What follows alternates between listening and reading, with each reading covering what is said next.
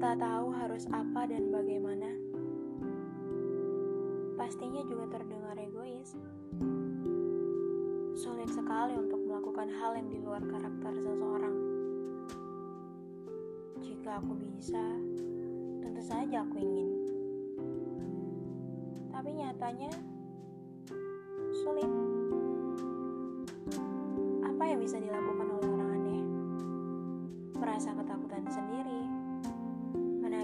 tanpa sebab, takut kehilangan, tapi hanya bisa diam, dan cerita yang belum sampai tujuan.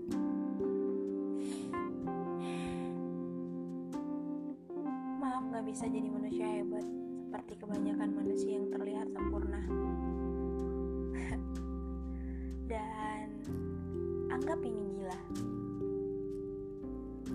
Bagaimana bisa menyukai seseorang yang menyebalkan dan menyenangkan dalam satu waktu bertahun lamanya?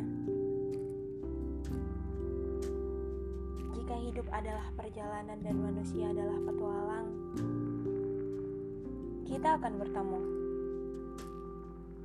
Jangan beritahu satu sama lain. Coba diam sebentar, dengarkan detak jantung dan panggilan alam. Rasakan kita akan mengetahui semua teka-tekinya. Sesuatu yang mungkin sudah banyak terlewatkan. Hmm. Tiba-tiba muncul sebuah pertanyaan. Nanti akan jadi apa? Apa yang sudah aku lakukan? Ingin mempertahankan apa dan dengan siapa? Tentang arti mimpi yang berulang. Lalu aku menangis dengan sunyi.